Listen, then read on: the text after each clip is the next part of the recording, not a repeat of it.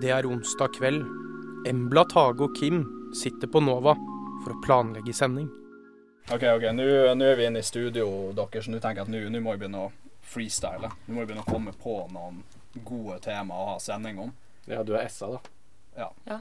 Har du forslag? Uh, hva med uh, filmer med bra spyscener? Æsj, æsj. Ja. Jeg har fobi mot spying. Jeg føler vi må liksom gå ut med et bang siden det er siste ordinære sending. Hva med Arne Schwarzenegger-sending? Apropos bang, liksom. Uh, eksplosjonfilmer. Mm. Druktefilmer. Mm, Filmer i lufta. Filmer i vann. Hva med beste rotter på film? Eller Ratatouille? Ratatouille. Eh, OK, men kom igjen, kom igjen. Bare okay. finn på ting. Topp ti barter, eller er vi for seint ute med det? Uh, det er november har vært. Ah, okay. Plutselig får Kim en god idé. Ja, nei, folkens, jeg merker at vi har stoppa litt opp her nå, så jeg foreslår at vi tar eh, noe hjemmebrakt. Noe fra det gode, kalde nord. Som kan hjelpe litt på inspirasjonen vår, så kanskje få de små grå til Å, fy faen, hvor sterkt er det her, da? Det er sterkt nok. Sterkt nok til å få inspirasjon til å flyte. Så eh, Har du lagd det selv? det velger jeg ikke kommentere på. Å, helvete!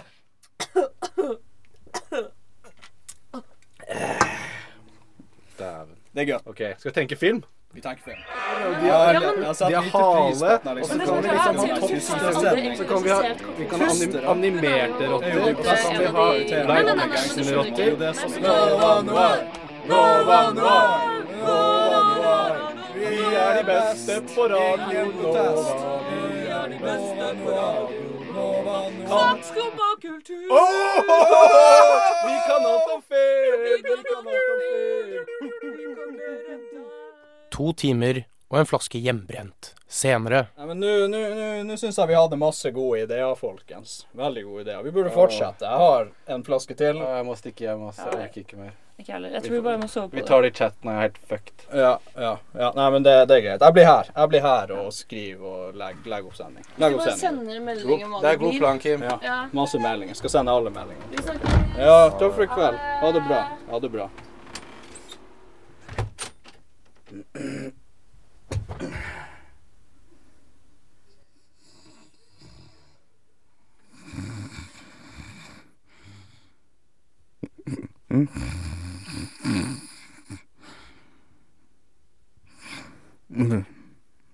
Nittitallet. Nittitallet. Nittitallssending.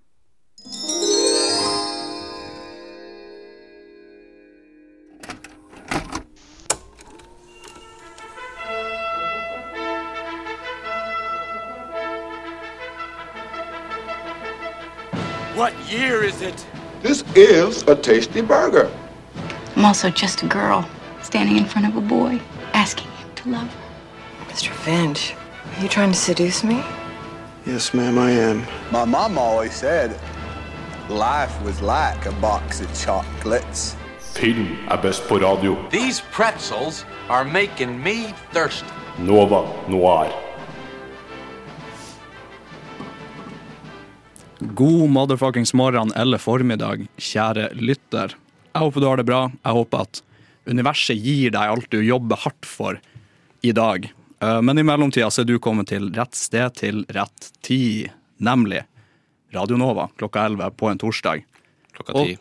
Klokka 10. Ja. Ah, det var det. Jeg ble litt, sånn tids, eh, litt tidsforvirra. Eh, som alltid, like we always do it this time, Nova Noir til stede for å snakke om film, til stede i studio. Undertegnede Kim Sverre Hilton. Til min høyre, Embla Aaslein. til min venstre. Tage Rivas Tollefsen. Og på teknikk på The Ones and Twos har vi Ragnhild Bjørlykke. Eh, I dag kjære lytter, skal vi skru tida tilbake til et veldig spesielt tiår. Du har allerede fått det med deg. Det er 90-tallet vi skal snakke om. Og vi har valgt et knippe med filmer som vi føler representerer filmverden ganske greit på det tiåret. Vi skal snakke litt rundt dem, meningene våre, hva vi syns om dem. eh, hvordan vi føler at de på en måte hører til i det tiåret. Og så eh, kanskje touche litt inn på hvordan glimmer av 90-tallet som vi fortsatt ser i dag i vårt herrens år 2021. Eh, alt det har du å glede deg til etter at vi eh, skal snakke litt om hva vi har sett siden sist. Sett siden sist. Jeg har du lyst til å begynne? Jeg syns alltid Sett sin siste er så vanskelig, for jeg føler jeg må, liksom, jeg må velge the good stuff. Uh, og de siste to sendingene jeg har vært på, jeg har snakket om Paradise Hotel. så jeg skal ikke snakke om Paradise Hotel i dag. Eh, I dag tenkte jeg å dra frem en annen kjent ringer, uh, som jeg håper dere har sett. Det er egentlig det jeg er litt nysgjerrig på. Og dette er serien som har på en måte definert min høst siden den kom på Disney Pluss, og jeg tror veldig mange andres høst også. Og som jeg syns ikke har fått nok oppmerksomhet. Og det er Frustrerte fruer. Oh. Kan ikke si at jeg har sett på det, dessverre. Du har ikke det? Jeg har litt, litt nostalgi til frustrerte fruer. Jeg har det. Same, fordi dette er det jeg, eh, jeg har skjønt, er at veldig få gutter slash menn har sett Frustrerte fruer. Eh, og jeg tror det er fordi de tror det er veldig såpe og veldig drama. Stemmer det?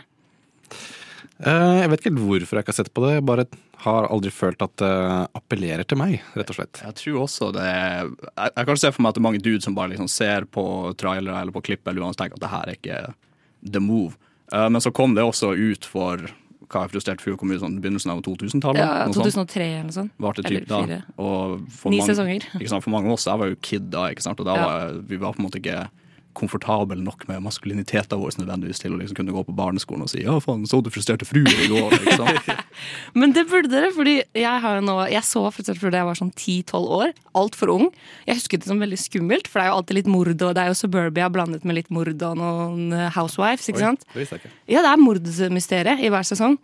Men eh, jeg husker det som skummelt, trist, dramatisk. Så ser jeg det på nytt nå, etter det kom på Disney Pluss. Og det er jo først og fremst bare dritlættis. Hele greia er jo satire. Og dette har jeg som kid ikke skjønt. Det er så mye humor, og jeg ser på det med kjæresten min. Eh, han er en eh, gutt kjærestemann, og han eh, syns også det er kjempegøy. Eh, så nå har jeg blitt sånn der, nå eh, har jeg blitt den som går rundt i alle guttene slash mennene i mitt liv og sier sånn Du må se på Frustrerte fruer, for det er kjempegøy, og dere går glipp av noe så bra. Det er så mange bra karakterer i det også, og det er så velskrevet. Og så er det skrevet litt sånn Det er akkurat nok over the top til at det føles litt som en parodi, som du sier, at det liksom blir, eller sånn satire, da. Ja. Men fortsatt så er de grounda nok til at det fungerer som en liksom, quote unquote seriøs serie, da. Ja, ja. Og så bare parodierer de The Suburbs sånn skikkelig sånn Hun ene housewifen som liksom har det sånn helt perfekt, og liksom alle er sjalu på henne, og hvordan får hun det til, og eh, så viser det at hun har en slave på kjøkkenet og sånn. Det er liksom Alt er bare kjempegøy. Så jeg anbefaler dere å se på. Er du kommet langt inn? Eh, ja, nå er jeg på sesong eh, syv. Såpass, Og det er bare to igjen. Og jeg har liksom begynt i september. Eh, så dette har vært min sånn comfort show gjennom hele høsten. Så det blir litt trist. Jeg skal Men- prøve å gjøre det ferdig i 2021. Skal det ikke komme en ny sesong? Eller føler Det er at Sex and City. Å ja, det er Ja. der jeg blander. Det her er faktisk, apropos nostalgi og sånn, en reboot jeg gjerne kunne fått. Er Desperate Housewives. Mm. Eller Frustrerte fruer. Men nå har det vært en ny sesong av Dexter, og så kommer det en ny Sex and City, så Ja. kanskje Frustrerte fruer rundt hjørnet. Ah, Ny håper- sesong på Netflix, kanskje. Ja, det hadde vært så gøy. Jeg håper virkelig det. Eller en film. En frustrerte fruer- fruer-film. Ja. Tage. Eh, jeg har eh, sett eh, en serie også, som heter Arcane, som Yes. går på Netflix. Og den fikk jo sekser av Filmpolitiet, og på IMDb så tror jeg den har 9,3 av 10. Og det syns jeg er vel fortjent. Det er en animert serie som er basert på Altså, det er basert på et spill som heter League of Legends, men du trenger ikke ha sett eh, Du trenger ikke ha spilt det spillet i det hele tatt for å eh, nyte denne serien. Og jeg syns det er det som kanskje funker så bra med serien, fordi den tar utgangspunkt i på en måte bare verden som disse karakterene kommer fra. Men så forteller den bakhistorien til uh, hovedsakelig to søstre som heter uh, Violet og Powder. Og eh, jeg syns at dette er en serie som alle burde se, fordi den bare er så utrolig godt fortalt. Og animasjonsstilen er utrolig kul. Og jeg, er liksom, jeg tror det er noe av det beste jeg har sett i 2021. eh, og jeg forventa det ikke i det hele tatt. Jeg er helt 100 enig, og dem som har uh, Riot Games som lager League of Legends, de har utvikla det med i samarbeid med et fransk animasjonsstudio som heter Fortige, tror jeg. De har brukt seks år på å lage eh, den sesongen. Og jeg vil egentlig også bare jeg vil argumentere for at det er en fordel om du ikke har spilt spillet. Men jeg har ikke hørt om det her engang. Nei. Er det, jeg kom det ut nettopp? Eh, altså, de har lansert tre og tre episoder i sånne acts, så jeg tror den første acten kom for sånn fire eller tre uker siden. Mm. Eh, så det er ni episoder totalt. Og eh, Jeg har sett det med kjæresten min. Hun har null peiling på League of Legends, og hun var sånn fy faen, dette er noe av det beste jeg har sett, og jeg skulle ønske sesong to var ute allerede. Og, og det bare er, det er sånn, Du har liksom politikk, det er action, du har det derre familiedrama og eh, til og med politikk, med liksom sånn at det er noen som bor i Undercity, og så har du på en måte de rike i liksom the uptownsers. Så det er sånn Det er liksom masse det er så mange, Og det er mange, mange karakterer, mye subplot. Og eh, det er liksom veldig kult for de som liker League of Legends, fordi det er karakterer du kjenner fra før av, men du får vite liksom bakhistorien, og de blir mye mer sånn menneskelige, fordi de har en utrolig menneskelig historie, De de flesteparten av de. Så eh, hvis du liker eh, altså Jeg føler at dette her er liksom bedre enn alle Marvel-ting som har kommet ut i år, syns jeg. Det er liksom Jeg bare føler at alle burde se det, for det er kjempebra. Jeg er 100% enig. Jeg var jo, Apropos Marvel-filmer, så var jeg veldig fan av Loki, liksom, men det her er den beste serien jeg har sett i år. Anbefales på det ypperste. Det er, det er veldig sånn her sånn labor of love, føler jeg. Ja. Det er et uttrykk. Det er rett uttrykk. Det hørtes litt vilt å si. Uh, labor of love, liksom, de har lagt inn skikkelig innsats i den. Uh, mm. kult, det Det er en kjempegodt fortalt historie, og eh, animasjonsstilen gjør at de kan gjøre så mye kul action uten at det blir sånn over the top. Jeg føler at sånn, All action er veldig sånn cinematisk kjempekul. Jeg har liksom ikke noe bedre måte å beskrive det på. Det er bare utrolig kult og interessant hele veien. Men det var på Netflix. Mm, Det er så deilig når bra ting er på Netflix, Ja. for det er liksom det alle har. Gønna på. Alltid en annen rar streamingtjeneste man aldri har hørt om, hvor de nye tingene kommer. Men jeg tror de fleste, for det står sånn her League of Legends, og det er liksom, du, noen, kanskje noen vet at å, det er basert på et spill, så er sånn, alt som er basert på spill er dårlig, men dette er faktisk veldig bra. Så hvis du ikke har noe å se på Netflix, anbefaler Arcane. Definitivt. Dobbel anbefaling fra studio. Uh, vi skal ta en liten pause nå, og når vi kommer tilbake, så skal vi dele noen filmnyheter. Filmnyheter. Alt som vi lager nå, er remakes eller liksom samme historie om igjen. Om det har skjedd eh, en stor eh, skandale. Film. Film. Film. Film. Film. Film. Film, film, film, film, film, film, film, film, film, film, film. Nyhet. filter, film, filter, film, film, film, til filmnyheter. Veldig nytt. Filmnyheter. filmnyheter. Filmnyheter, som du kanskje hørte, kjære lytter. Jeg skal være så frekk at jeg starter med min nyhet. Uh, Kim, hvordan våger du? En dristig mann. En dristig mann. Jeg har, jeg har um, The Rains. Og vi går inn til rykter fra Mission Impossible 8-settet. Uh, Tom Cruise sitt nyeste stunt har blitt fotografert, rapportert. Og uh, uh, hold dere fast, det han gjør visstnok, spoilers hvis man er veldig uh, interessert i Hvis man er veldig hard på Mission Impossible 8, spoilers, så vil du kanskje holde, holde forhørene dine i fem minutter.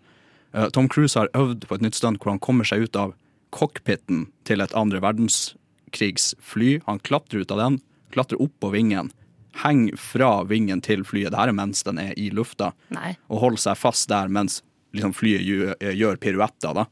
Og i kjent Tom Cruise-stil så er det her noe som han faktisk gjør, han sjøl gjør. Det her stuntet har blitt øvd på over 600 meter, visstnok.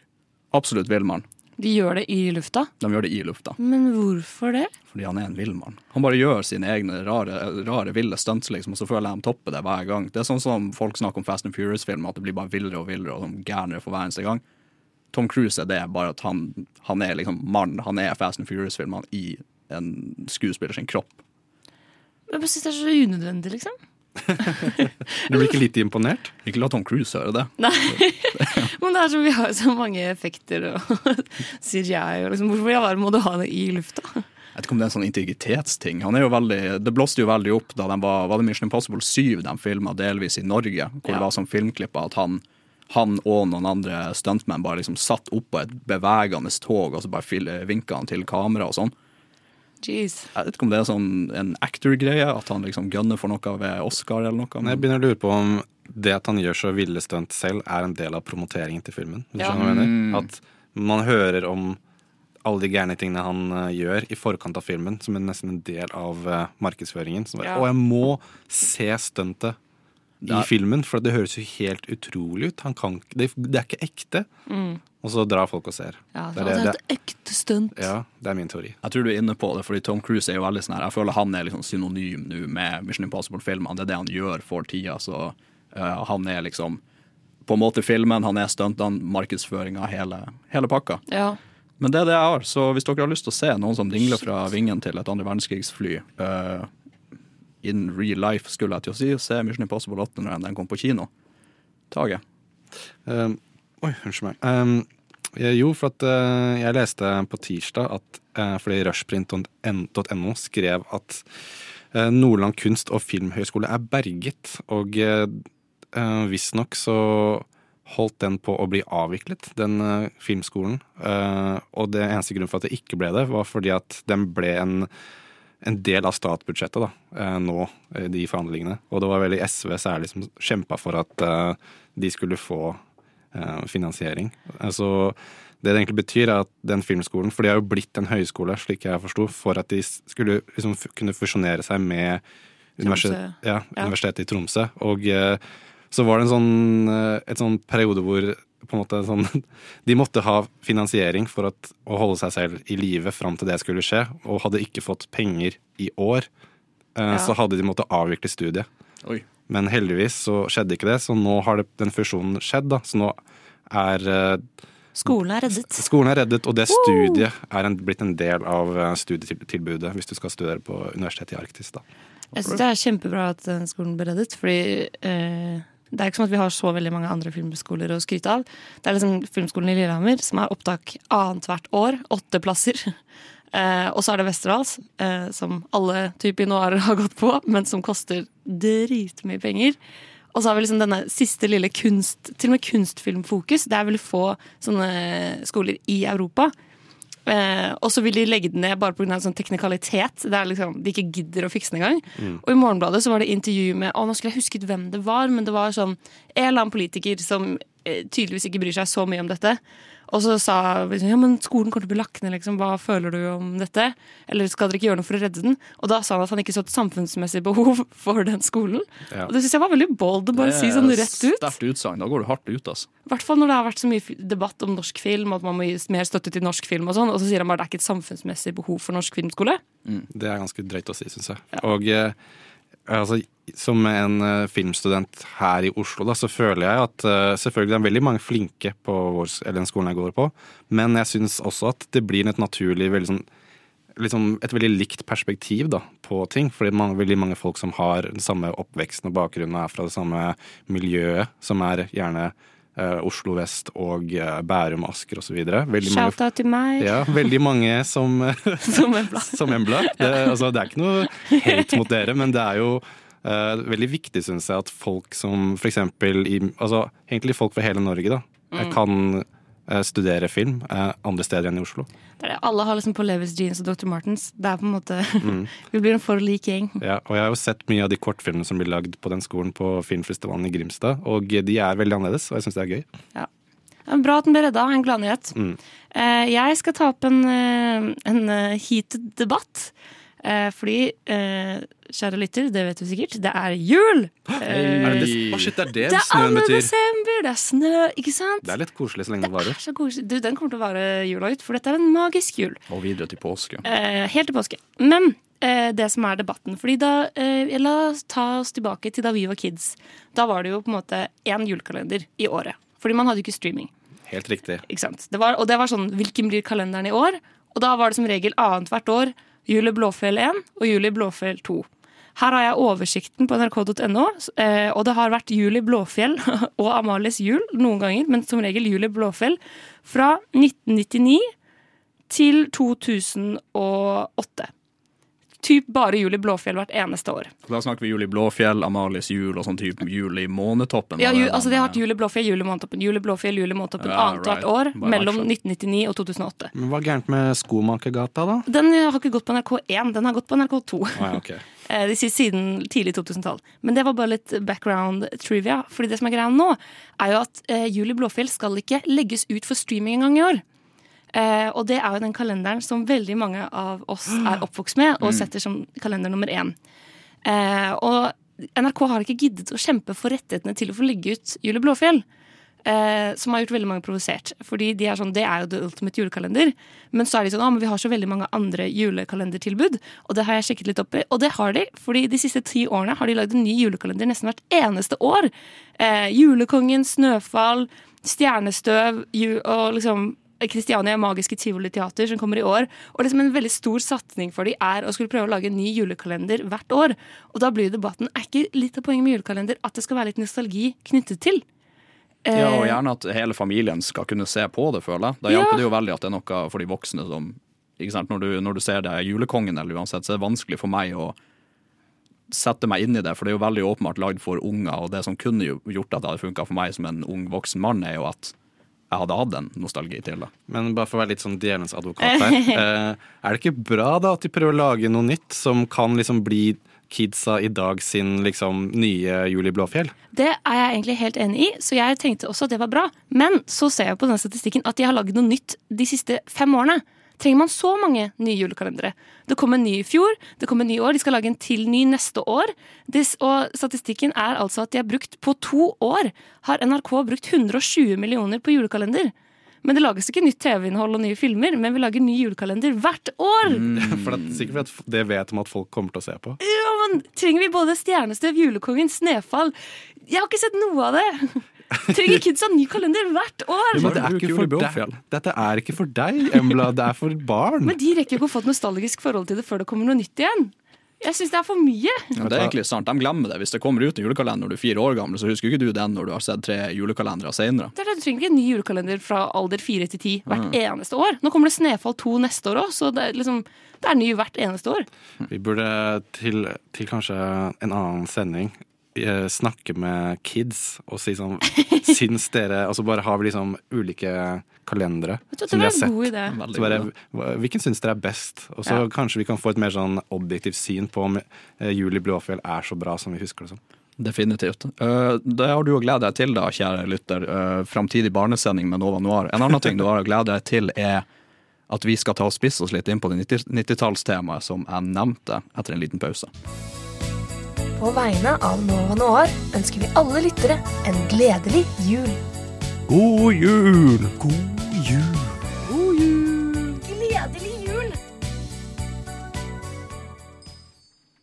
Gledelig jul indeed. Som sagt, så ikke, ikke bare er vi, er i desember, men vi er på 90-tallet også, så vi skal ta og begynne litt med våre personlige assosiasjoner med det. Vi er jo tre stykker i studio her som uh, befant oss på hva jeg si, forskjellige ender av 90-tallet. Eh, er det noe vi husker fra da jeg var liten? Embla, du yngst. Er det noe Uff, ja, altså Jeg er jo da født i herrens år 1998, så jeg hadde to ville år på 90-tallet. Eh, men jeg føler at det er en forskjell på de som er eh, yngst i søskenflokken, og eldst i søskenflokken. Og jeg jo, har en storebror som er tolv år eldre. Eh, ergo arvet jeg alle hans 90-tallsdingser. Så jeg føler at liksom, da er man Det hadde litt å si. For da hadde jeg, liksom, da hadde jeg Gameboy, og jeg spilte alle hans eh, spill. Eh, og eh, fikk liksom være med han på hans sånn reise gjennom Og arvet veldig mye greier av han.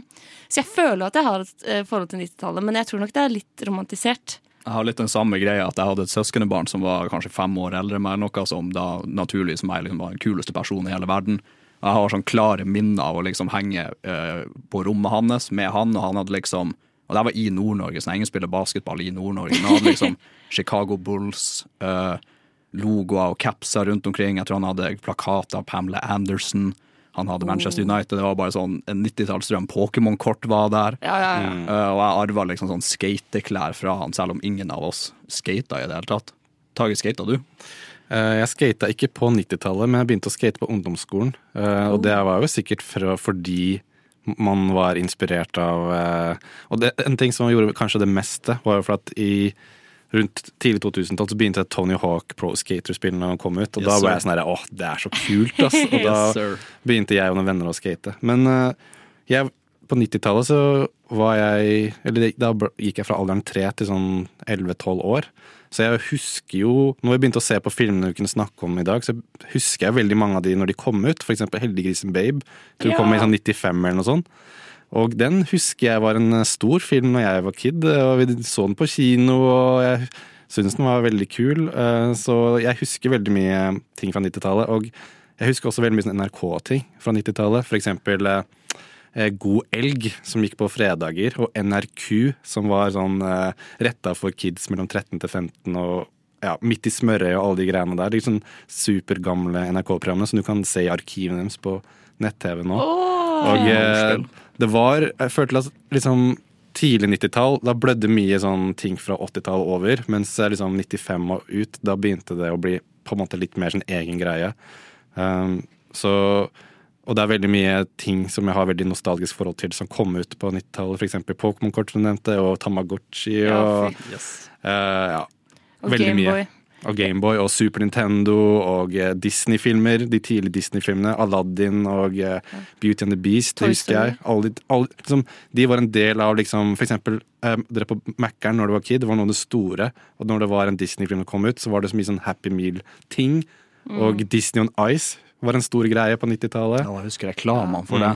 Det var helt vilt. Disney on Ice. Bare sånn Filmer generelt var jo big på 90-tallet. Du nevnte Disney-filmene. De hadde jo noen av liksom de jeg vil si noen av de filmene som de aller fleste vil sette i sine goat Disney-filmer, typ Lion King, Aladdin etc. etc. Vi hadde Titanic som kom ut som var svær. Ja, Matrix kom liksom ut på slutten av tiåret. Er det noe vi forbinder på en måte med 90-tallsfilmer? Det er jo litt det vi skal gå utover i sendinga, men har vi noen sånne kjappe sånn buzzwords, kanskje? Eh, det jeg har lagt litt merke til når jeg har liksom researcha det nå til denne sendingen, er at jeg føler veldig mange av filmene skildrer liksom A4-liv, eller folk som bor i suburbia eller the suburbs, og liksom de fasadene som sprekker. Eller liksom kjedelige liv som faller til grunn, som The Truman Show, Edward Sisterhand, eh, Clueless, til og med Skrik. Det er liksom folk som på en måte eh, kjeder seg, eller fasader som sprekker. Eh, og det, man kan jo si at filmer eh, skildrer samtiden. Og 90-tallet var jo på en måte en litt kjedelig tid. Det var liksom Den kalde krigen var ferdig, man fikk mer penger. Eh, det var en veldig sånn stabil tid. Folk jobbet sånn der, på kontorer, i sånn cubicles. Jeg føler det var liksom en tid der folk drømte om noe mer. da. Ironisk, siden vi nå bare lengter tilbake til en enklere tid. Vi, vi kommer tilbake til det, og i hvert fall når det kommer til det å liksom jeg vet ikke, surrealisme, eller det å liksom gå fra ting som er ganske langt utenfor normen og hverdagen, eh, når vi skal snakke om vår første film for dagen, som blir Pulp Fiction. Radio nå. Første filmen vår som vi skal snakke om, kom ut i 1994, om ikke jeg tar feil, og det er Pulp Fiction. Yes, og Pulp Fiction er jo litt eh, komplisert å skulle oppsummere kort. Man kan jo si at det er en mørk komedie av Quentin Tarantino, der eh, livene til en mafiaboss, noen gangstere, en bokser, en eh, crazy femfetal kvinne blir blandet sammen og krysses inn i hverandre i rare tilfeldigheter og merkelige møter. The best picture of the Cannes Film Festival.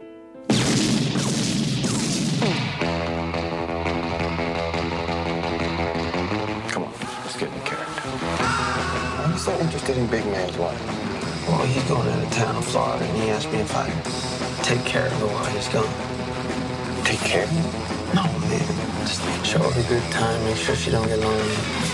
Oh, I'm sorry. Did I break your concentration? Get down, get down. You got a corpse in a car, minus the head in the garage. Take me to it.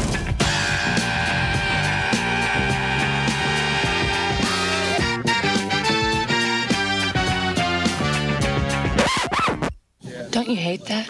Hate what? Uncomfortable silences. Noe som vi styrer unna så godt vi kan her i studio. Um, det her er jo en film som uh, Jeg må ærlig innrømme at vi satt her og var litt usikre på hvordan vi skulle oppsummere den, fordi det er på mange måter Altså, plottet er jo veldig sånn frem og tilbake. Liksom. Det er tre forskjellige historier, som Emla var inne på. Og eh, jeg skal begynne med kanskje litt sånn hot take, eller begynne med en, en eh, brannfakkel. Men eh, det her er meninga til en kompis av meg som jeg ofte blir møtt med når jeg sier at jeg liker denne filmen. Og det er at han sier at den handler ikke om en jævla drit. Det er bare folk som bare går rundt, de bare snakker piss, og så er det liksom sånn flash without the fire, da. Det- Uten fire? Uten fire. det er vågalt å si om en film som Pop Fiction. For det er jo masse fire i den filmen, for å si det mildt. Definitivt. Det, det blastes, liksom. Men at den liksom jeg vet ikke, at den ikke sier noe. At det liksom ikke er noen sånn substans, da. Eh, jeg er ikke helt enig med kompisen din, må jeg si.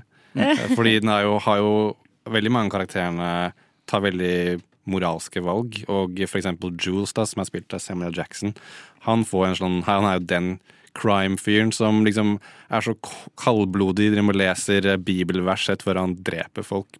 Eh, Og så får han en sånn åpenbaring og bare på flekken bestemmer seg for å slutte med krimlivet. Så, så jeg føler at eh, den har jo veldig mye ting man kan eh, analysere og eh, trekke fram som gir filmen en substans, vil jeg påstå. Kanskje det går litt på at siden det er veldig sånn svart komedie, at jeg føler alt det de, eller mye av det de sier, det blir liksom rappa inn i en sånn satirisk eller liksom, Det er en sånn ironisk distanse til det meste som sies i filmen, at det kanskje går litt over hodet på folk. Ja, for det er jo veldig mye fart og moro og spenning og scener som bare er gærne. Som for eksempel eh, Mia Wallis, eh, som er liksom hun på coveret med dette kule, svarte håret og liksom Hun som alle er på halloween. Jeg har også vært henne på halloween en gang. alle eh, elsker jo henne. Og hun liksom Hele hennes linje er jo bare at hun kjeder seg, og så skal hun Og denne mafia eller gangsteren, som er liksom, hun er gift med denne mafiabossen, og så har hun Vincent Vega, som er sånn gangster som skal hjelpe henne og liksom henge med henne i kveld.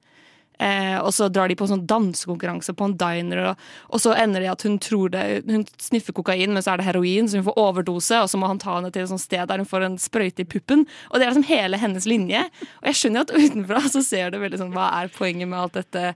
Men det er nettopp det jeg liker så godt med Pop Fiction, er at for meg så er hele denne filmen bare liksom masse små deler og overtenning og kaos eh, som gir meg en sånn veldig følelse av sånn Hva er poenget med noe som helst? Jeg føler det er en film om søken etter mening i en tilsynelatende meningsløs eh, tilværelse.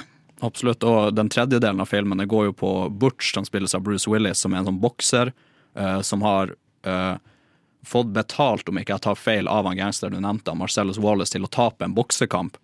Eh, og ender opp med å ikke gjøre det. Han går inn i bokseringen, og så slår han bokstavelig talt i hjel motstanderen sin, og så må han jo da rømme fra Marcellus uh, med en god del penger, fordi de satte jo sjøl inn penger på at liksom, Butch kom til å vinne. da. Uh, men forløperen til Hæ? De hadde satsa på at han skulle tape. Ja. Ja. Uh, men forløperen til det er at hva skal jeg si, Butch som en unge, den scenen, liksom, hele den delen av filmen, for den er stykka opp i sånne kapitler, på en måte. Og det, introduksjonen er at faren til Butch har daua i krigen i Vietnam.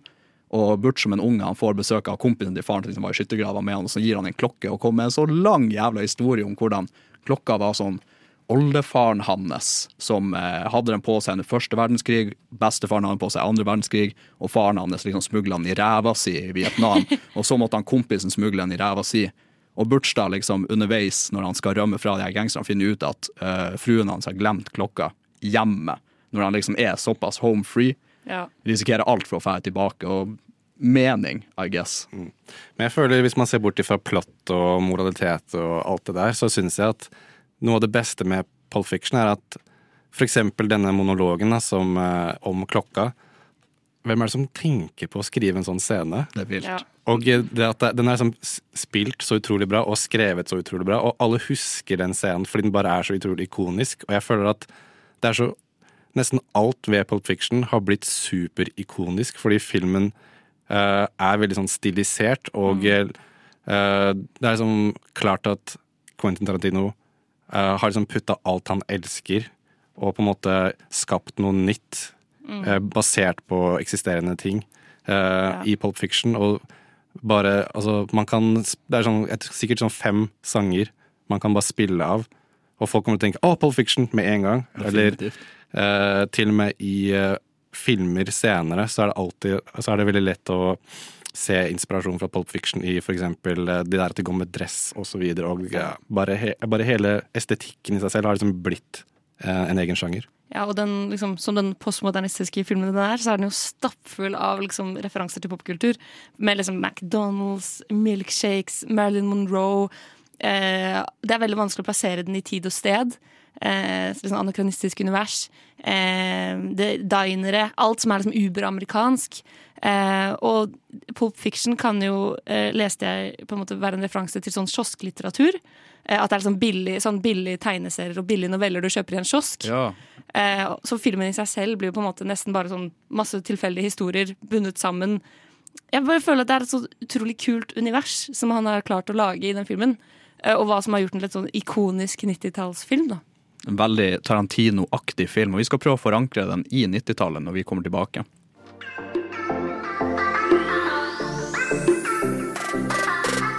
Du lytter til Nova Noir her på Radio Nova.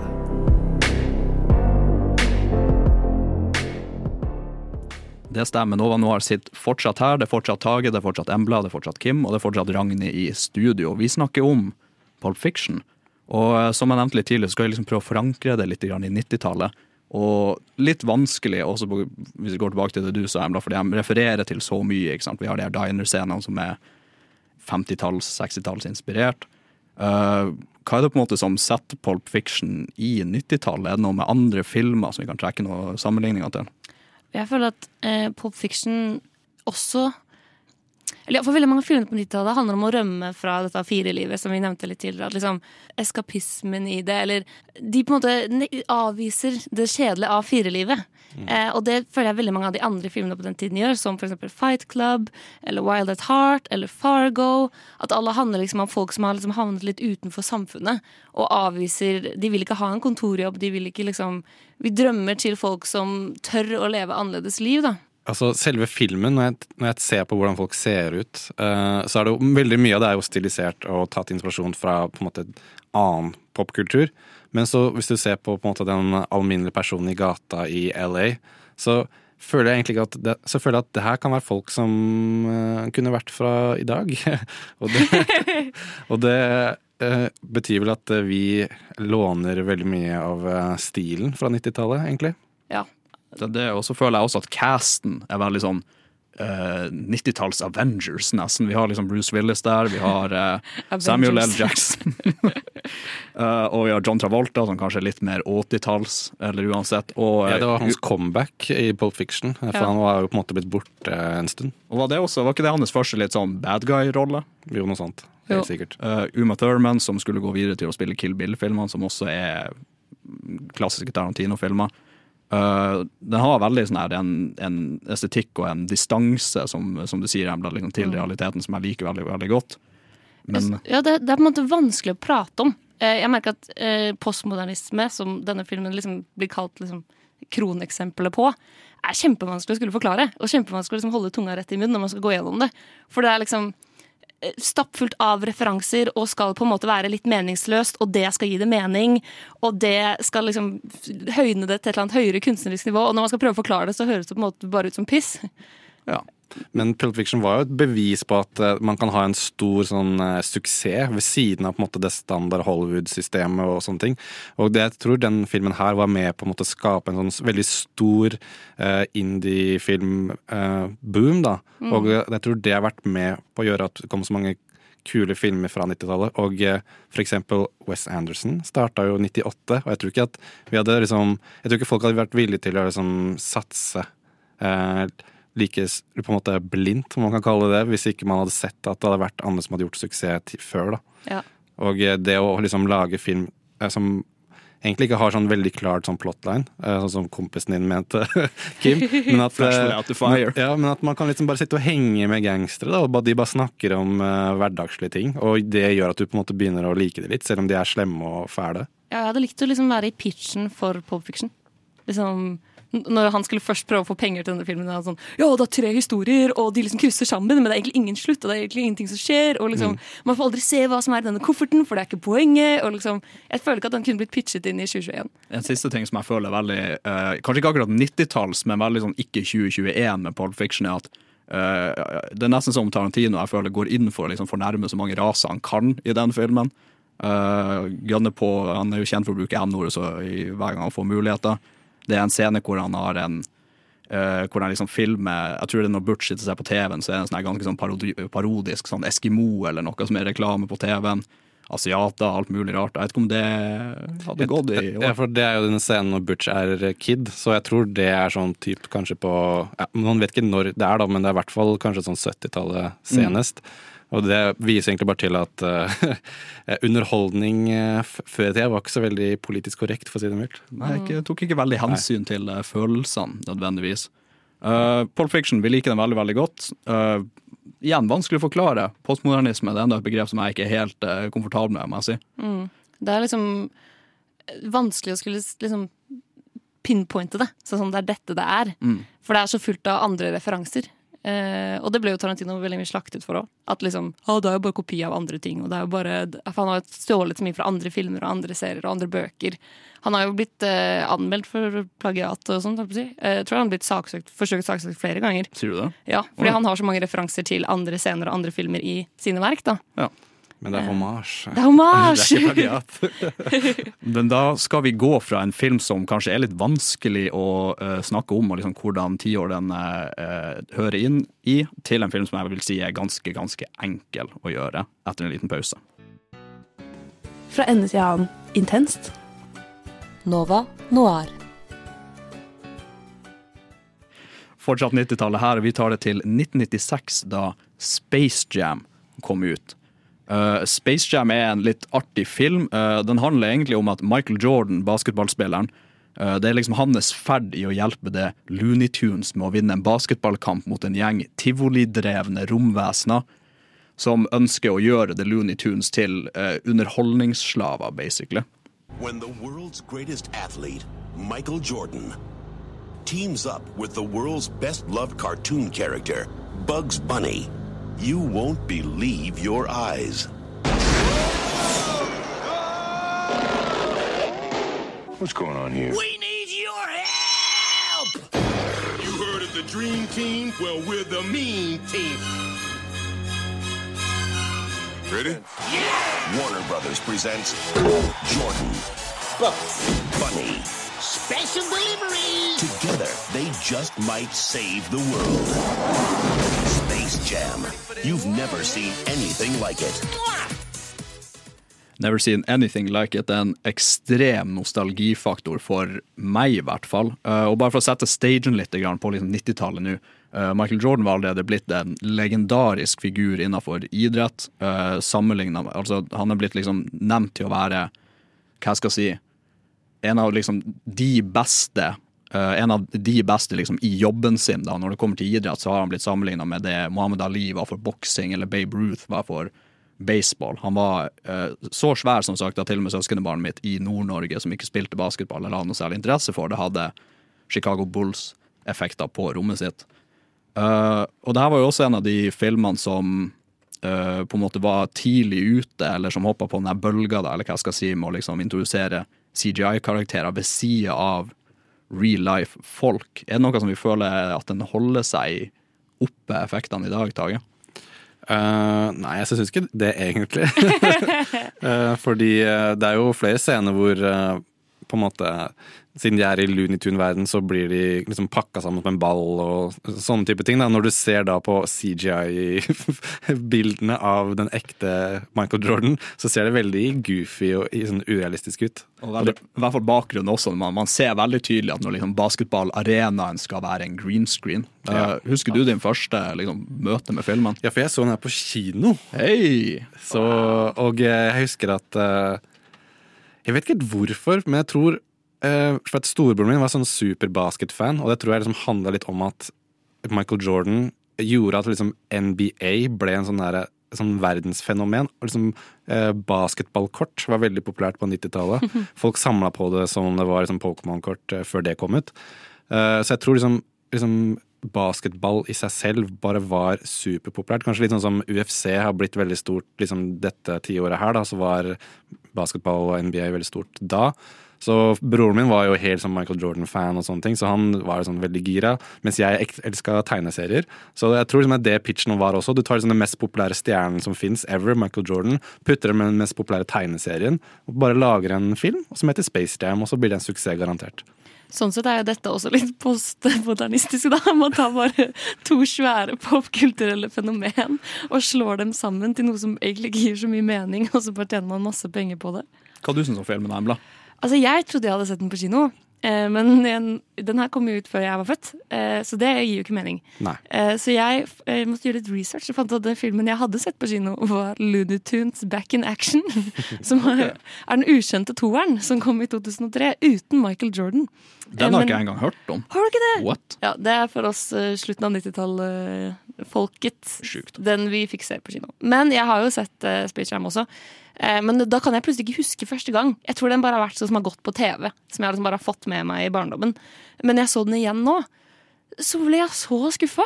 Nei. Jo. Å nei, å nei, Men- å nei. Hvordan våger du? Men ble det, ikke dere? Nei, jeg ble faktisk positivt overraska da jeg uh, rewatcha den nylig. Én fordi de har bare utrolig mye sjarm. Liksom effektene vi snakka litt om, det tar deg litt ut av det. Det var ikke veldig, veldig veldig bra, det var det ikke, men uh, Jeg vet ikke, jeg syns det fungerte fint. Og jeg, biased, sterk nostalgifaktor, men jeg prøvde å se forbi det, så får, dere får ta det med liksom det, for det det er verdt. Jeg tror også det hjelper at filmen bare er én time og et kvarter lang. Det. Og, eh, men jeg må si at jeg, må, jeg prøvde å finne med norsk dub, Ja, fordi det er det jeg så da jeg var kid. Og eh, Michael Jordan med norsk stemme er jo noe av det morsomste som finnes noensinne. HBO Max har den med Ja, norsk dub. Ja, øh, jeg så den på Viaplay, hadde ikke. Men HBO Max, hvis du skal se den, se den på HBO Max, gjerne med norsk stemme, fordi det er noe av det morsomste ever. Og, øh, men jeg føler at det kom så mye sånn, øh, sånn popkultur øh, ut av Eller sånn, den ble sånn så populær, og liksom R. Kelly, det er jo ikke på en måte Han har jo dessverre Eller han var jo en Han er en jævlig fucka fyr, for å si det sånn. Men på den tida så var jo I Believe I Can Fly en superhit. Og veldig passende til filmen Ja, også. og den passer så bra til filmen. Og mm. den låta, selv om jeg hater artisten, så er låta nostalgisk for meg fortsatt. Ja, samme. Og det, også den derre Den eh, låta som spilles når de på en måte er liksom blitt så veldig sånn mot slutten av filmen. Nå skal vi endelig slå disse monstrene, og vi har liksom blitt superhyped for å vinne. Så er den derre Everybody get up, it's time to slam. Den, den, jeg hadde soundtracket, og jeg husker jeg bare hørte på det på repeat, og den sangen bare ga meg sånn skikkelig sånn der boost. Og bare sånn, ble skikkelig sånn hyper da jeg var kid og hørte på den låta. Jeg satt og gliste for meg sjøl da den kom på sist jeg så den. Dere har jo nostalgibriller på. Eh, Det er jo det. Jeg elsket ikke denne filmen eh, så høyt som barn. Jeg likte bedre Looney Tunes Back in Action 2003. Eh, Så jeg klarer å se denne filmen med ordentlige voksenøyne. Eh, Og altså, den er rar pacing. Den er ikke så morsom. Den er veldig kaotisk fortalt. Veldig, den klipp, men er helt crazy. Den bare hopper som en gærning rundt. Eh, slutten er skikkelig rushed. Fra Michael Jordan liksom bestemmer seg for at sånn, ok, jeg skal være med og hjelpe Looney Tunes å vinne denne basketballkampen. Men jeg egentlig ikke skjønner, det han bytter mening veldig fort, og plutselig skal han hjelpe dem. Og så liksom fra han begynner å trene de til den siste kampen, så går det bare ti minutter. Det er sånn kjemperar build-up. De blir veldig fort venner. Han er Stan. Ja.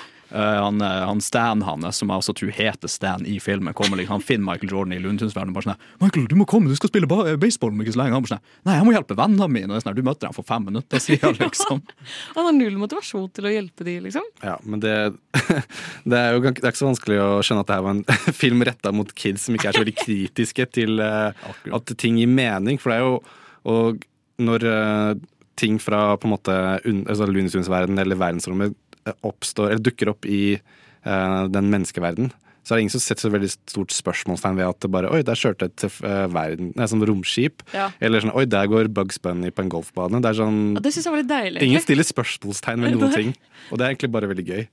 Uh, mye å snakke om Space Jam. Det her er jo en film som vi uh, har mye meninger om, og som er en veldig sånn 90-tallsfilm. Vi skal komme tilbake til det om litt.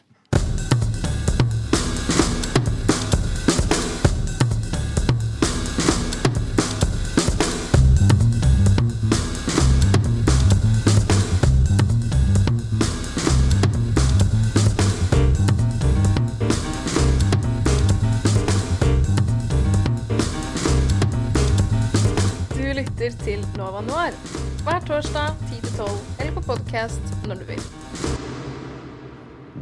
Selvfølgelig gjør du det, og vi er her for å fortsette å snakke om Space Jam. Nå litt sånn Uh, på en måte 90-tallsfaktoren som er med det. Og en ting er jo på en måte brandinga med det, at du har liksom verdens største idrettsstjerne, og som er veldig sånn ikonisk eller nesten synonym med 90-tallet, som bare join the forces med Warner Brothers. Eh, er det litt sånn motbydelig branding, på en måte, eller eh, holder det seg på en måte i dag? Det føles på en måte som sånn der eh, reklamemekka. Den filmen er nok kun motivert av eh, penger. yeah, og det er derfor det er litt vondt at det har blitt liksom en kultklassiker, for det har liksom funka. Ja, men det, det er jo det det gjør, da, på mange måter. Og det er jo grunnen til at folk i dag bare lager ting basert på kjente IPs og sånne ting. Og det var, ting var ikke så annerledes for 20-30 år siden. Dessverre. Og, og det går jo også litt på, eh, på den nostalgifaktoren vi, som i hvert fall jeg og Tage har til filmen, da, som vi snakka om. Fordi Jordan-merket, eller Jordan som på en måte en, entitet, skulle jeg til å si, har jo båret seg veldig liksom, til den dag i dag. Har jo, du har sko som kom ut i 1985, de første skoene som folk må kjøpe, for eh, 30 000 kroner. Jeg tror hvis du liksom, De har hatt auksjoner hvor Jordan Ones har gått for, som han sjøl har brukt i matcher, har gått for det er en million kroner, liksom. Og hypen bygger seg bare videre og videre, og de lagde jo en Space Jam 2 også, i år. Uh, så ja, veldig, veldig sterk branding, men den er liksom så sterk at den krysses over på liksom, nesten 30 år senere. 25 år siden Space Jam kom ut. Det er veldig sånn ikonisk, eh, og det føler jeg gjelder mange ting fra 90-tallet. At vi liksom romantiserer det og gjør det til liksom en sånn det, Mye mer sånn stjernestatus enn stjernene i dag får, for meg. Mm. Liksom Michael Jordan får en mye høyere stjernestatus, og til og med Looney Tunes. Eller liksom en uh, uh, Big Mac liksom er mer estetisk på 90-tallet enn den er i 2021. Jeg føler alt blir liksom mye kulere og hippere og eh, får liksom bare Ja, blir noe større når, i disse Ja. filmene. Men jeg lurer på om mye av det var fordi på 90-tallet så var jo ikke sånn in, Altså, i dag du kan på en måte bli underholdt bare av f.eks. YouTube. Bare YouTube-stjerner, hvis du kan kalle det. Og du trenger ikke ha noe liksom, forhold til det som på en måte er liksom, eh, kommers. Eh, F.eks. Hollywood-stjerner eller eh, fotballfolk osv. Så Men på 90-tallet så var det mye mer sånn eh, det, Den bransjen kontrollerte alt mye mer og liksom bestemte hva vi så i mye større grad enn det nå. Så jeg tror liksom, det gjorde at alle bare ble fans av Michael Jordan av at bare pumpa Michael Jordan i trynet vårt hver eneste dag. Og det gjorde at eh, når han ble så stor stjerne, så alt han var med i, ville folk se, rett og slett.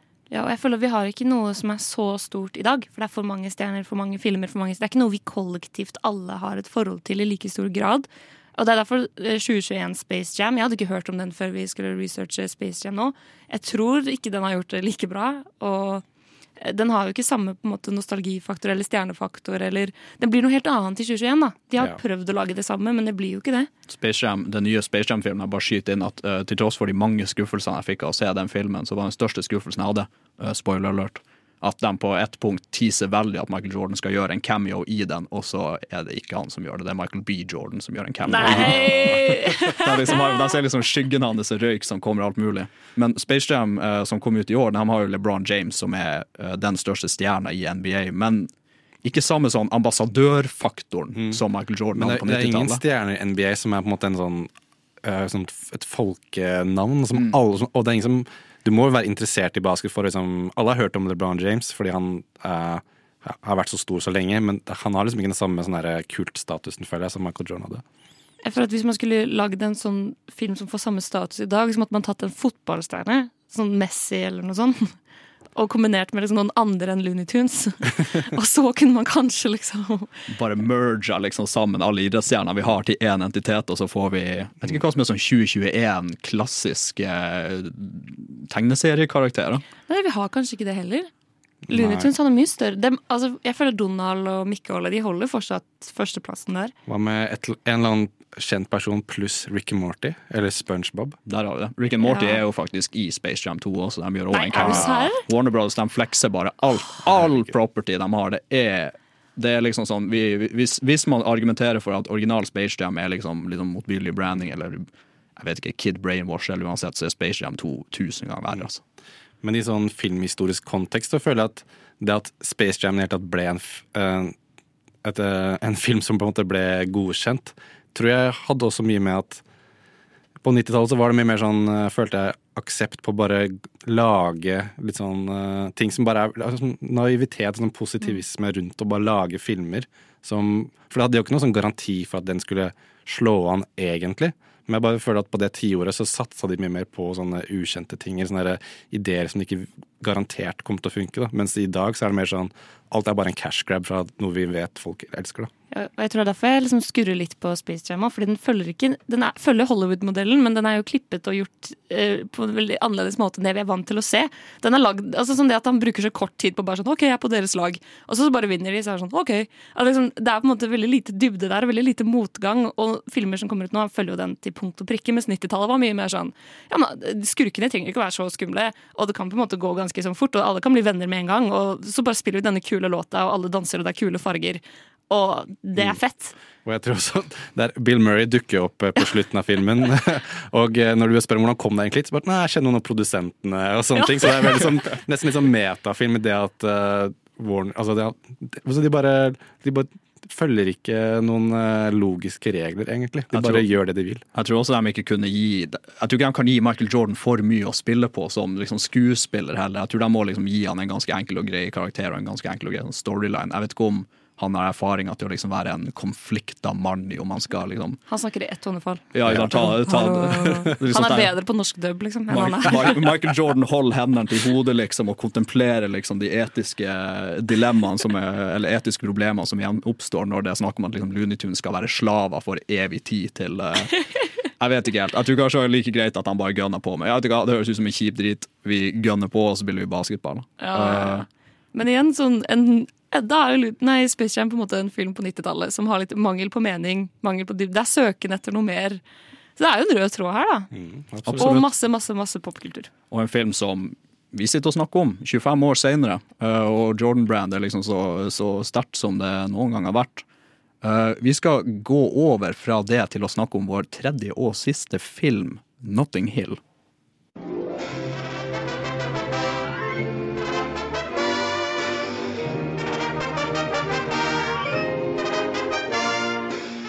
Du lytter til Nova Noir hver torsdag 10-12 eller på podkast når du vil. Vi ruller inn i den siste filmen som vi har plukka ut i dag. Og Tage, hvordan film er det? Det er jo den eh, ikoniske romanske komedien Notting Hill fra 1999. Eh, og eh, jeg tror de fleste vet hva den handler om, men for ordens skyld så handler den om William Thacker, spilt av Hugh Grant. En ganske sånn alminnelig, men dessverre skilt fyr som driver en bokhandel i Notting Hill. Og han får jo livet sitt snudd helt opp ned når plutselig en dag så kommer Anna, eh, Er det Anna Scott? Ja. Eh, som er på en måte Eller hun er i den eh, filmen den største filmstjernen noensinne. Og eh, så blir det en liten romanse, da. A very ordinary boy bumps into a girl. But she is no ordinary girl. She is Anna Scott, the most famous film star in the world. But when two worlds collide, I live in Notting Hill, you live in Beverly Hills. Everyone in the world knows who you are. And the news is bad Tomorrow, there'll be pictures of you in every newspaper in your goddamn underwear. and getting worse, I went out in my goddamn underwear too. Get out! how does an ordinary boy Let's stay calm. No, you ain't stay calm. keep the most famous girl in the world? The fame thing isn't really real. I'm also just a girl Standing in front of a boy. asking him to love her. Åh, Notting Hill. Uh, den filmen er jo regissert av Roger Michelle, som egentlig ikke, så vidt jeg uh, har skjønt, har gjort noe særlig annet stort. Men den er jo skrevet av Richard Curtis, som uh, også skrev Four Weddings and a Funeral og Love Actually. Og eh, på in, Jeg leste en artikkel fra 1999, faktisk, hvor den Notting Hill gjorde superstor suksess. Og mye av grunnen til det var at de turte faktisk å gi ut filmen samme helg som Star Wars uh, A Phantom Menace. Oi. Og den, var, den filmen altså, Man kan ikke beskrive hvor hypa opp den Star Wars-filmen var. Eh, Så det var egentlig ingen andre store filmer som hadde lyst til å gi ut eh, filmen sin uh, samme helg. Men de, Richard Curtis var veldig sånn Jo, vi skal gi den ut den helgen, fordi da vil på en måte alle som ikke vil se Star Wars, ha en annen film å se. Yeah. Og det var mye, mye av suksessen kom fra det sjakktrekket der. Eventuelt alle som ble skuffa av Star Wars og som trengte en pick me up etterpå. ja, ikke sant? Men uh, altså, hva, hva slags forhold har dere til denne filmen? Oh, Så nært forhold. Det, er, det her er min sånn nostalgifilm. Det var fordi jeg var jo ett år da den kom ut, så jeg kan huske, huske den tida. Og den bare Jeg vet ikke, jeg eh, Det er veldig få filmer som eh, man husker så godt. Jeg kan huske så mange av scenene. Eh, og det hadde ikke sett den før nå, på kanskje sånn 10-15 år. Og jeg kan fortsatt huske sånn, Det er en scene der han går gjennom en sånn marked, og han går gjennom alle årstidene. Det for meg var sånn eh, cultural reset. Det er sånn det største cinematiske øyeblikket jeg kan huske fra min barndom. Han går gjennom vinter, og så er det sånn Og så ser man ikke at de klipper, men plutselig er det sommer. Og, bare, åh, og jeg kan huske han romkameraten, jeg kan huske huset, bokhandelen, alle gatene, eh, hotellrommet til Anna Scott. Alle sånne eh, locations og sånn har bare gjort så enormt inntrykk. Um, så denne filmen kan jeg bare se med nostalgibriller. Jeg klarer ikke å se om den holder seg i dag. Jeg har ikke noe særlig nostalgi til det, men jeg liker filmen veldig veldig godt. Og også det at liksom, filmen heter Notting Hill, og det at stort sett all handlinga er liksom fokusert inne i den gata. Den får veldig, og, og mye av det er filma av liksom, livet hans i den bokhandlersjappa, og at han bare går frem og tilbake. Det er veldig sånn det, det er liksom verdensbygginga. Det føles konsentrert, det føles liksom hjemmekjært, egentlig. Uh, og jeg storkoste meg da jeg liksom, da jeg sendte jo gruppechatten et bilde at jeg hadde rigga opp frokost på senga og alt mulig en søndagsmorgen og så på Notting Hill. God start på dagen. Ja, det er jo kanskje en av de mest ultimate feel good-filmene. Og det er jo noe av grunnen tror jeg, til at filmen til han Richard Curtis gjør det så bra, er for at eh, Sånn som Love Actually, da. Jeg må innrømme at jeg hadde ikke sett den før eh, for sånn to-tre år siden. Oi! Fordi jeg er ikke så veldig fan av sånne type romantiske komedier. Og eh, hvis du skal hvis jeg skal på en måte ha litt sånn objektive briller her, Ja. så er jo ikke Love Actually akkurat en god film, vil jeg påstå. Og det er veldig mye som er veldig rart i den filmen. Uh, men- men- Love Actually eller Notting Hill? Love Actually. Oh, ja. uh, og jeg føler at det, i Notting Hill er det mye av det samme.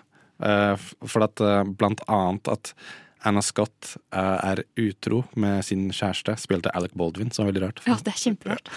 Eh, men jeg føler liksom at eh, og, Ok, nå sporer jeg litt av meg, men det er ikke noe setup til at de to skal forelske seg i det hele tatt. For at hun dukker opp i bokhandelen hans, og så bare er- prøver han å være litt sjarmerende, men- ja, er han det egentlig? Nei. Så har hun glemt noe, så kommer hun tilbake igjen, og så står de liksom i døra, og så bare kysser hun han. Og sånn bare, ok. Ja, man sånn starter romansen, men det er jo helt sykt. De gjør liksom veldig tydelig at han er veldig sånn starstruck fra begynnelsen av, føler jeg, men hun virker veldig sånn, sånn kald og indifferent, på en måte. Så jeg vet ikke hvor hun Men han, han er jo Hugh Grant, og han er jo veldig sånn eh, kald Eller nei, hun er veldig kald, men han er veldig sjarmerende og varm og veldig flørtete. Ja. Og liksom, vil du ha te? Vil du ha kaffe? Jeg tror hun blir litt eh, fascinert av at han er så erkebritisk, og han er jo veldig kjekk. Ja. Eh, men jeg er enig, man skvetter skikkelig når de kysser. Den gir ikke mening, og eh, det gjelder veldig mange. Som pacingen i denne filmen også. Veldig rar. Eh, du, liksom, og når man får vite at hun er utro egentlig har en annen kjæreste, sånn, det blir også revealet veldig rart. Og så blir de sammen igjen. Så bare, den Ja. faller seg litt sånn tilfeldig. For det er egentlig ikke noe plott, det er bare litt sånn utfordringer som gjør at forholdet deres ikke kan liksom komme i mål med en gang. Ja. og det synes jeg er litt sånn spesielt at de klarer å uh, ha en flyt i filmen uten å noe, sånn, noe annet plott enn at han bare ja, Så skjer det her, så skjer det her, og så går det sånn, så går det sånn. Skipper vi dem i løpet av filmen? Jeg gjorde ikke det. Han tok, han tok liksom sånn L på L på L før. Ja. Jeg hadde liksom egentlig ikke lyst til at de skulle bli i lag på, mot slutten. Nei, ærlig. Nei, jeg er enig. Jeg, eh, altså jeg vil ikke gå veldig langt inn der, men jeg følte at uh, filmen portretterer Anna Scott sin karakter som veldig kjip, egentlig. Og det gir ikke noe mening at uh, Hugh Grant sin karakter skal ha lyst til å bli sammen med henne. Men så er det det der at hun er, så, hun er kjendis. Hun er den største Ja. stjernen, og jeg er bare, jeg er bare William Thacker. I'm just an ordinary boy. Ja.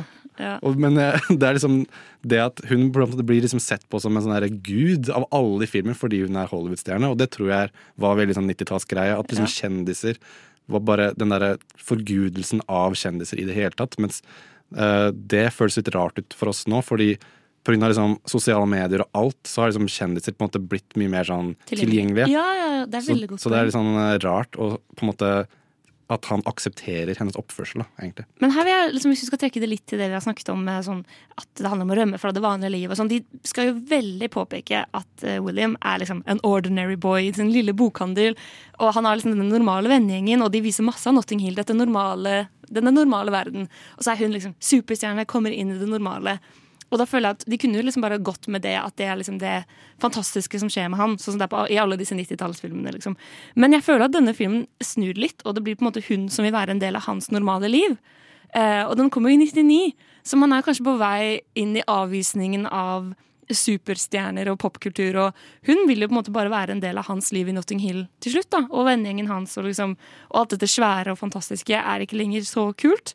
Eh, så jeg føler at den har kanskje en litt annen konklusjon. Mhm. Det er en annen tid, definitivt. Uh, vi skal snakke litt mer om Notting Hill etter en bitte liten musikkpause. Du hører på Nova Noir. Hey, who do you are, anyway? Me, or I destroy you! Vi sitter fortsatt i studio, og hjertet vårt banker for Notting Hill. Vi skal snakke mer om det, og igjen prøve å forankre det litt til 90-tallet. Uh, Notting Hill kom jo helt på slutten av 90-tallet. Vi har Hugh Grant og vi har Julia Roberts, som er jeg, jeg, assosierer veldig med den tida. Uh, er det noen her som har lyst til å fortelle meg litt om hva som er er liksom det tiåret med den filmen? For meg så er det sånn, jeg ser denne filmen eh, nå, Mens vi hørte på låt, så viser jeg dere bare et bilde av liksom Hugh Grant og Julia Roberts. Og de bare står og smiler. Og jeg, bare, jeg får sånn varm følelse i hele kroppen. Og jeg tror det er fordi det minner meg om en enklere tid. Liksom En tid der de er superkule ved å bare ha på jeans og T-skjorter. Og liksom det er eh, tidenes mest innspo cinematiske ting at de drikker en kopp te. Og liksom eh, En tid man hadde liksom eh, Discman og, og headset med tråd. Og liksom alt blir Jeg romantiserer bare hele det universet av liksom at de går på marked og er i en bokhandel. Folk leste bøker.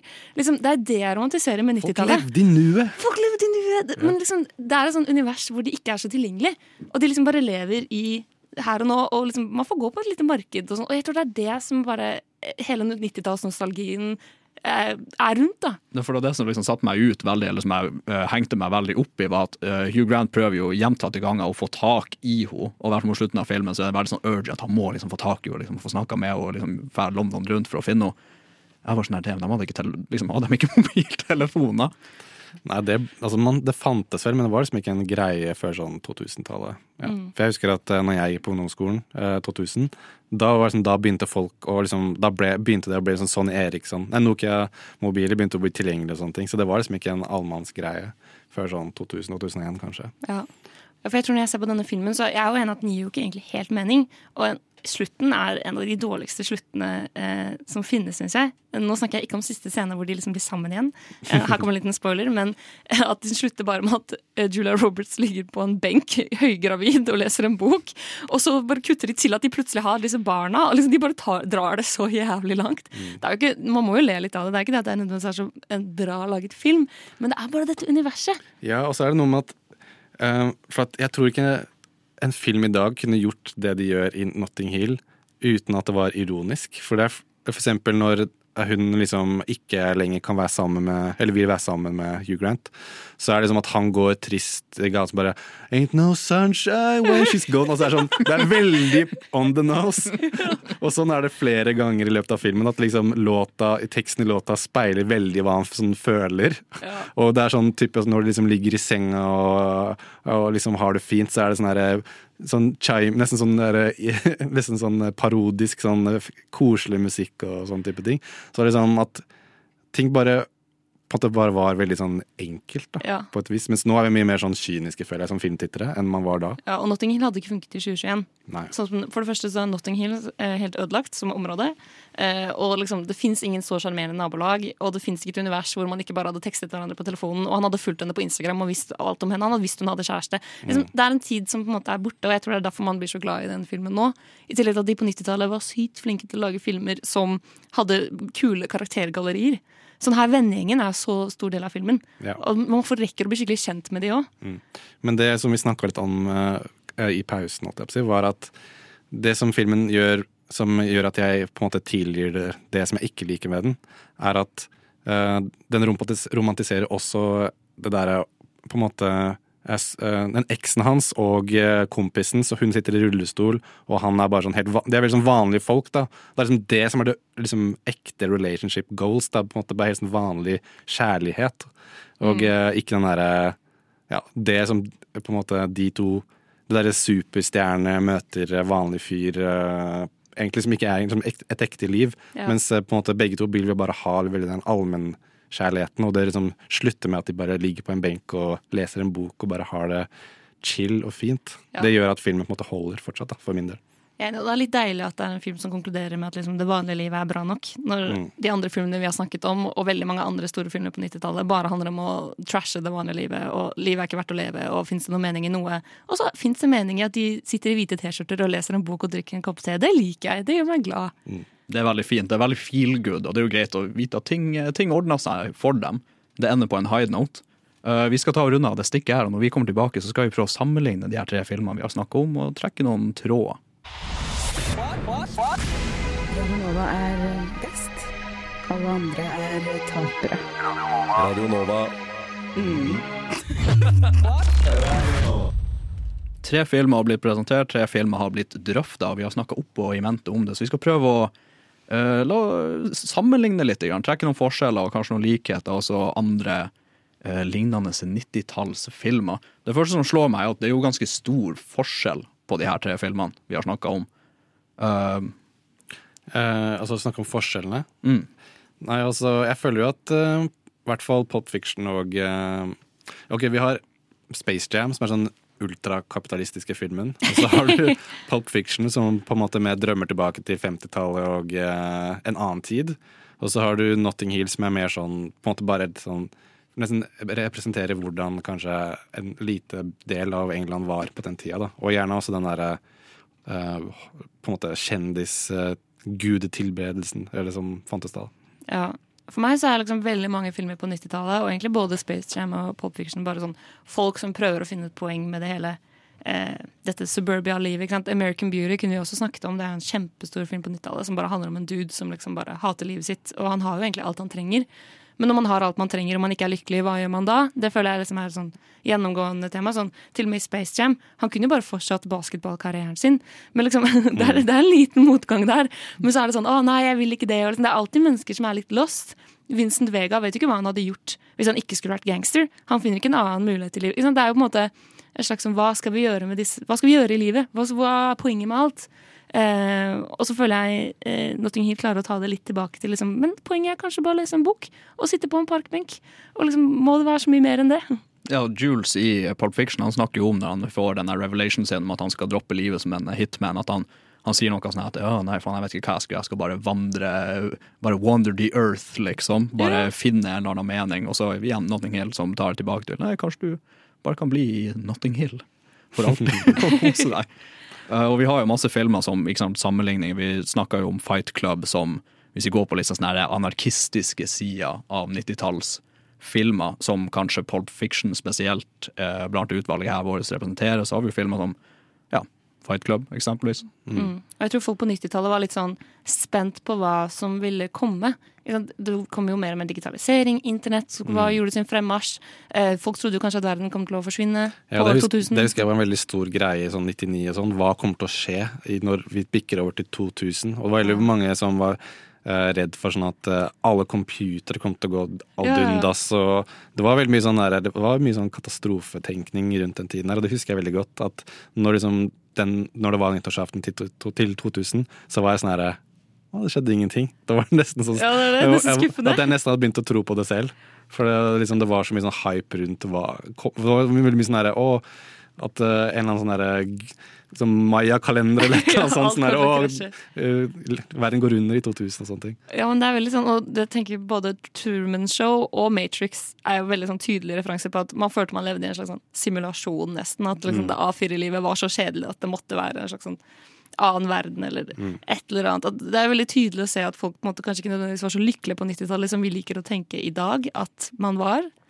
Um, for nå føler jeg jo Jeg romantiserer 90-tallet veldig. Sånn som Mm. dere merket sikkert når jeg snakket om Notting Hill. At liksom, ja, hvit T-skjorte og te, og liksom bare ikke mobiltelefoner. Og liksom, eh, mens da var man jo kanskje rastløs og søkte noe mer og noe annet igjen. Man er jo, vi har jo veldig lett for å romantisere det som har vært.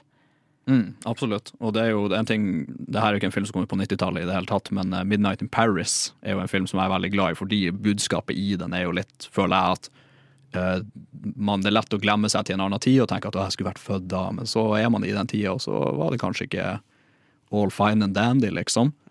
Eh, men ja, det kom masse bra filmer på 90-tallet. Uh, et veldig, veldig spesielt nyttår. Prøvde å rappe det her opp så, eh, så uniformt som vi får det til, egentlig. Klokka begynner å nærme seg tolv, og um, vi skal ta og spille en liten sang. In a world that's powered by violence. In a world without gas. In a world where owning a radio was strictly forbidden.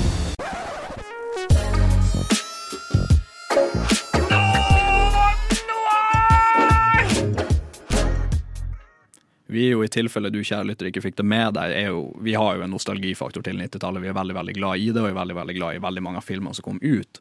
Eh, Og da kan man jo på godt og vondt glede seg til at vi har en del remakes og oppfølgere som kommer. Eh, Vi snakka om Space Jam 2 som kom ut i år. Eh, Embla, du nevnte That 90's Show. Ja, det kommer jo et That 90's-show for de som har sett That 70's-show. Eh, for nå er det jo like lenge siden eh, 90-tallet som det var 70-tallet, da de lagde eh, That 70's Show. Så da blir det jo et helt show som bare skal handle om å romantisere 90-tallet. Eh, det kommer jo med Sex in the City for reboot nå, som vi snakket om tidligere. Den kommer jo på slutten av 90-tallet. Ja, så er det jo The Matrix uh, Ja, er, det re er det Reloaded den heter? Ja, jeg tror det. Resurrections. Okay, ok. Reloaded tror jeg er to eller tre. Ja, okay, ja, stemmer. Og så har det allerede kommet ny Lion King og ny Beauty and the Beast, som begge var 90-tallets eh, hits.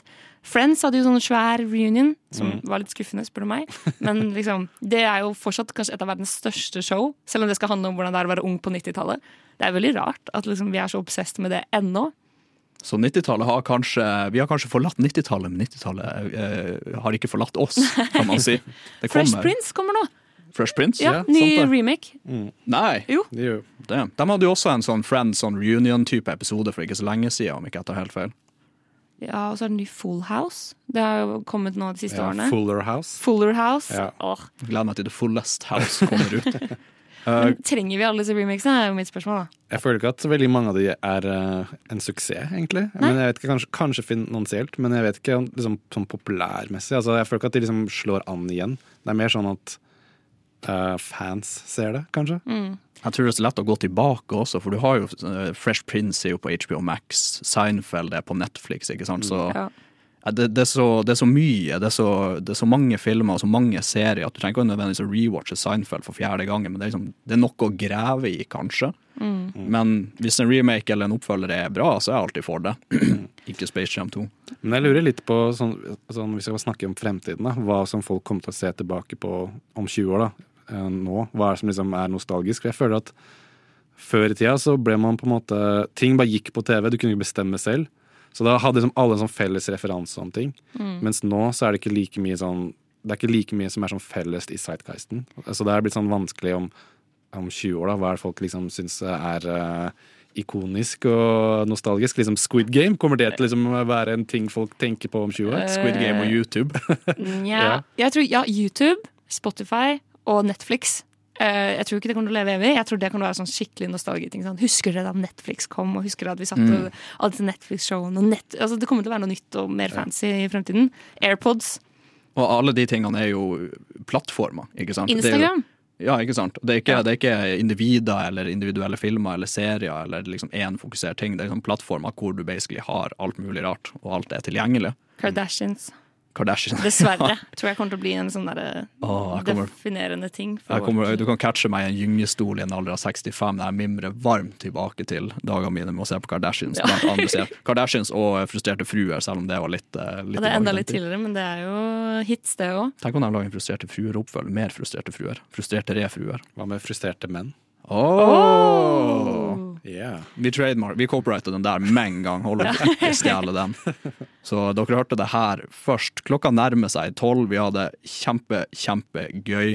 90-tallet har vært tema, som du sikkert har fått med deg. Vi har snakka om Pulp Fiction, vi har snakka om Space Jam, vi har snakka om Notting Hill, og en god del imellom også.